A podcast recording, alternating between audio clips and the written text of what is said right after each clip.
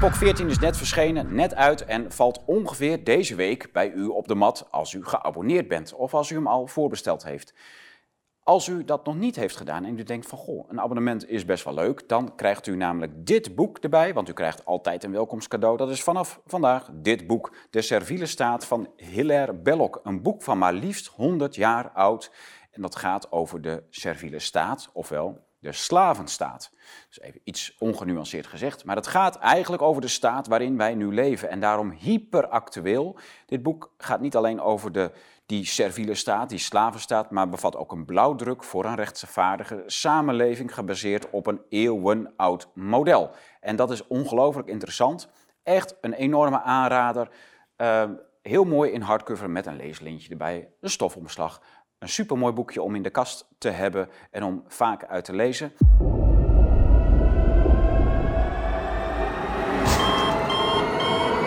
Van harte welkom bij Blue Tiger Studio. U kijkt naar een serie van een aantal mini-colleges van Peter Borger, de celbioloog ja, uit Nederland, woonachtig in Zuid-Duitsland. Uh, hij heeft zich het afgelopen half, anderhalf jaar enorm geroerd op het gebied van corona, vaccinaties en alles wat daaromheen hangt. Dat heeft u kunnen volgen. Zo niet, dan kunt u dit volgen. Deze hele serie bestaat uit thema's over wetenschap versus pseudowetenschap, de PCR-test, het virus, de vaccinaties, heel erg belangrijk, en zo nog een paar. Deze thema's kunt u nu allemaal achter elkaar los volgen op het kanaal BlueTube.studio of op het YouTube-kanaal van de Blauwe Tijger. En die vindt u hieronder. Veel plezier. Zullen we het over een virus hebben? Ja, dat doen. Ja? Wat is een virus? Ja, dat is een hele goede vraag, want dat is, daar, daar lopen de meningen echt heel erg uiteen. Je hoort, er zijn mensen die zeggen dat virus bestaat helemaal niet. Andere mensen zeggen, ja, virus die, komen, die, die zijn er al miljarden jaren. Ja. Dat, dat zijn eigenlijk de, de, de uitersten die je hebt. Nou, in, mijn boek beschrijf ik een aantal voorbeelden van virussen en hoe die, hoe die kunnen ontstaan. Op vrij eenvoudige manier. Ja.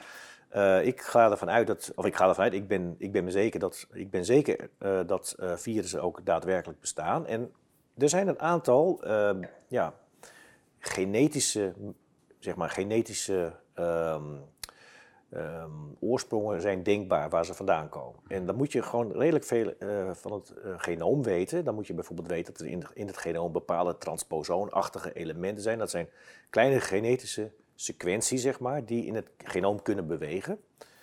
Een sequentie, en, wat is Een sequentie is eigenlijk een, een, paar genen, zeg maar. Okay. Een paar genen. En, en, en, het, en het leuke van deze, uh, van deze transposoon is dat die genen die daarop zitten, die vinden we ook weer terug in een bepaald type retrovirus, hè, een bepaald type virus. Ja. En als je die naast elkaar gaat leggen, dan is het heel frappant dat die, die genen die je in dat retrovirus nog verder aantreft, nog meer aantreft, die kun je heel vaak terugvinden gewoon ook in ons eigen genoom, in genomen van vogels of in genomen van zoogdieren. Juist. Dat betekent dus dat zo'n transposon heeft een paar genen eraan toegevoegd en is daardoor uit het genoom ontsnapt. Hmm. Kan ook weer het genoom binnenkomen en dan heb je eigenlijk al een soort retrovirus. Dus die dingen die kunnen gewoon ontstaan in jouw genoom.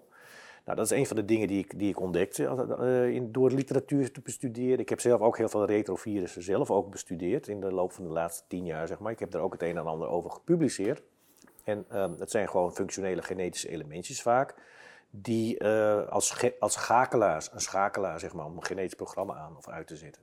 Zo, zo kunnen die zo, kunnen die, um, zo hebben die functie. Een genetisch programma zet iets in werking. Ja, dat, precies. Kijk, of... um, eigenlijk wij mensen hè, zijn alle, alle biologische processen die aflopen in een, in een, in een, in een mens, in een cel, metabolische processen, immunologische processen, dat heeft allemaal ermee te maken dat bepaalde genen, dus bepaalde erfelijke kenmerken, tot expressie moeten komen. Dat zijn dan eiwitten, zijn dat. Ja. Die vormen samen dan een soort van ja, programma, noemen we dat. Hè? En die uh, worden in het uh, genoom teruggevonden als genen, en samenwerkende genen. Ja.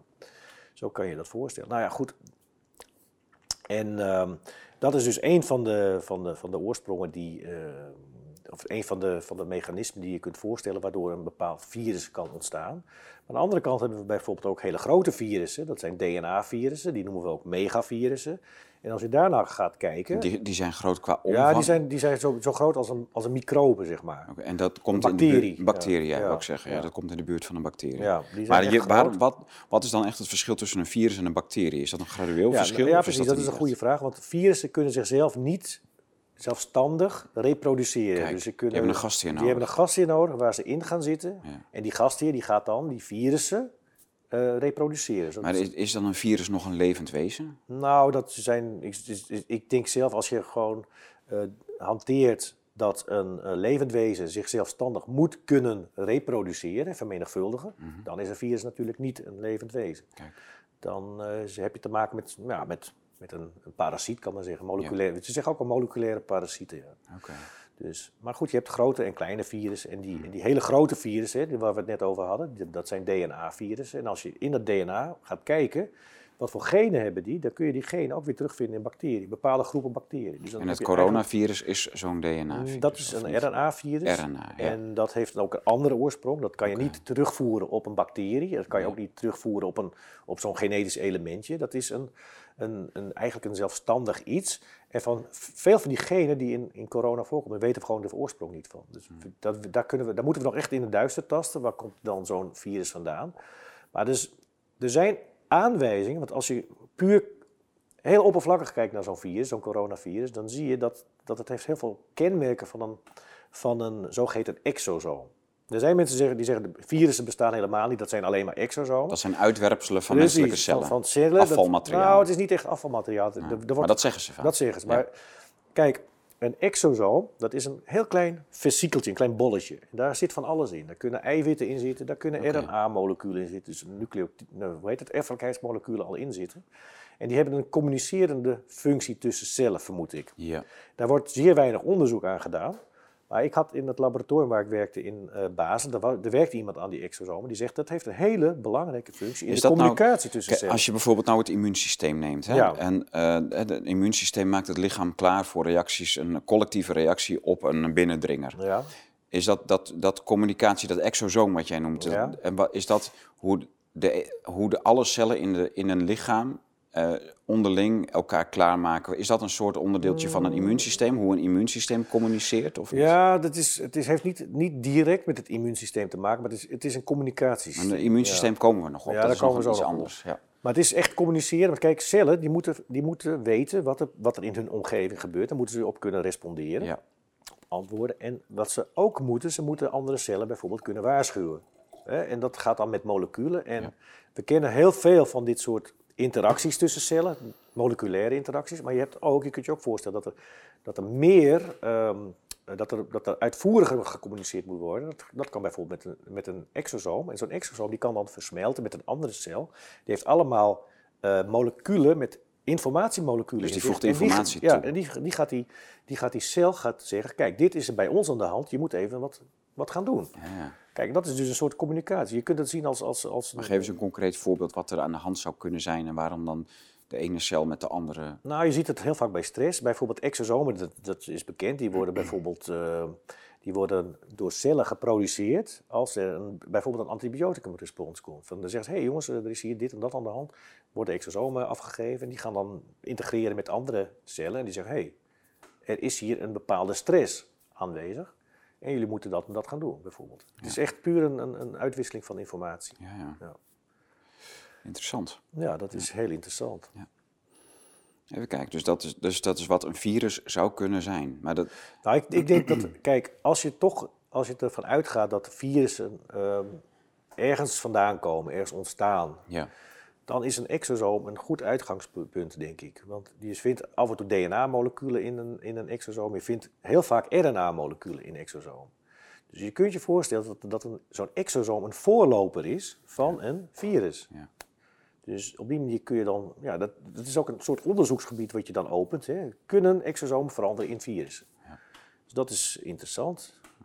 Met name omdat niet echt weten waar virussen vandaan komen. dus er zit net als met dat DNA, wat eigenlijk iets van de laatste 10 tot 15 jaar is, alhoewel het al 70 jaar heel erg bekend is, is dat eigenlijk is het virus ook nog iets heel erg onontgonnens. Ja, dat, is echt, dat kun je wel zo zeggen, ja. Want we weten eigenlijk helemaal niet waar virussen vandaan komen. Er zijn mensen die zeggen, ze bestaan al miljarden jaren. En ze zijn in een oersoep zijn ze ooit ontstaan, naast de cellen die daarin zijn ontstaan. Maar goed, in een oersoep, als je daar een cel wilt laten ontstaan vanuit niks, dat is, die kansen zijn, die zijn echt miniem. Een, een, een, de, de, de meest simpele cel die we op dit moment kennen, die die heeft bijna 500 genen nodig alleen om te kunnen reproduceren. Dus alleen om te kunnen delen. En die heb je dan als virus nodig, want dat is, dat is dan jouw gast hier. Ja. Dus dan moet je eerst ervan uitgaan, die, die, die, die cellen hebben zich ontwikkeld. En dan moet je ervan uitgaan dat daar ook nog eens een keer een parasiet zich heeft ontwikkeld. En dat worden zeer onwaarschijnlijke verhalen. Ja. Ja, heel interessant. En dan, uh, wat, denk je voor hoeveel tijd hiervoor nodig is om dit nu... Denk je dat er dan door die hele druk van, dit af, van de afgelopen twee jaar, dat er eigenlijk een soort wetenschappelijk klimaat gaat ontstaan, uh, dat er gepioneerd gaat worden, dat er iets nieuws op viraal gebied gaat, gaat komen? Wat uh, in één keer een hele grote hype kan gaan worden. Zie jij zoiets aankomen of is daar nog geen teken? Uh, zijn, zijn nou, kijk, uh, ik heb een beetje het idee dat de virologen die hebben zich heel erg bezig gehouden met het, het, met het ontwikkelen van vaccins. Ja. Want ze denken, oké, okay, dat is de enige manier om virussen tegen te houden. Ja, maar zijn de vi virologen dan wel echt bezig met een virus? Zijn het wel echte virologen? Geen idee. Uh, wat ik, ik heb geprobeerd met een aantal van deze virologen in Nederland te communiceren, maar dat is, verloopt uitermate moeizaam. Er zijn te weinig gewoon... exosoompjes die kant op gegaan. Ja, dat, ik denk, er zijn niet veel mensen die exosomen zelf uh, bestuderen. Nee. Nee, maar goed, er is dus te weinig informatie. Naar de, ja. Die wetenschappers die slaan niet aan, de virologen die nou, zijn... Kijk, als je ervan uitgaat dat die virussen die zijn er altijd al geweest, ja. hè, dan nodigt dat ook weer niet uit dat onderzoek, waar komen ze vandaan? Dus ja. ik denk altijd zo, hé, hey, die virussen zijn er niet altijd geweest. Uh, ze moeten op de een of andere manier moeten ze zijn ontstaan. Mm -hmm. Ze komen ergens vandaan. Dan, heb je, dan moet je hypotheses op gaan stellen van, nee, net wat we net hebben besproken, ja. hypothese opstellen, waarnemingen doen, hypothese opstellen. Kijken of het klopt. Kijken of en dan het kijken klopt. of het klopt, ja. En dan, ja. Nou, ik vind zo'n zo'n zo'n zo'n exosoom, zo'n voorloperachtige, heel klein dingetje, hè, heel klein, het ziet er bijna uit als een virus al.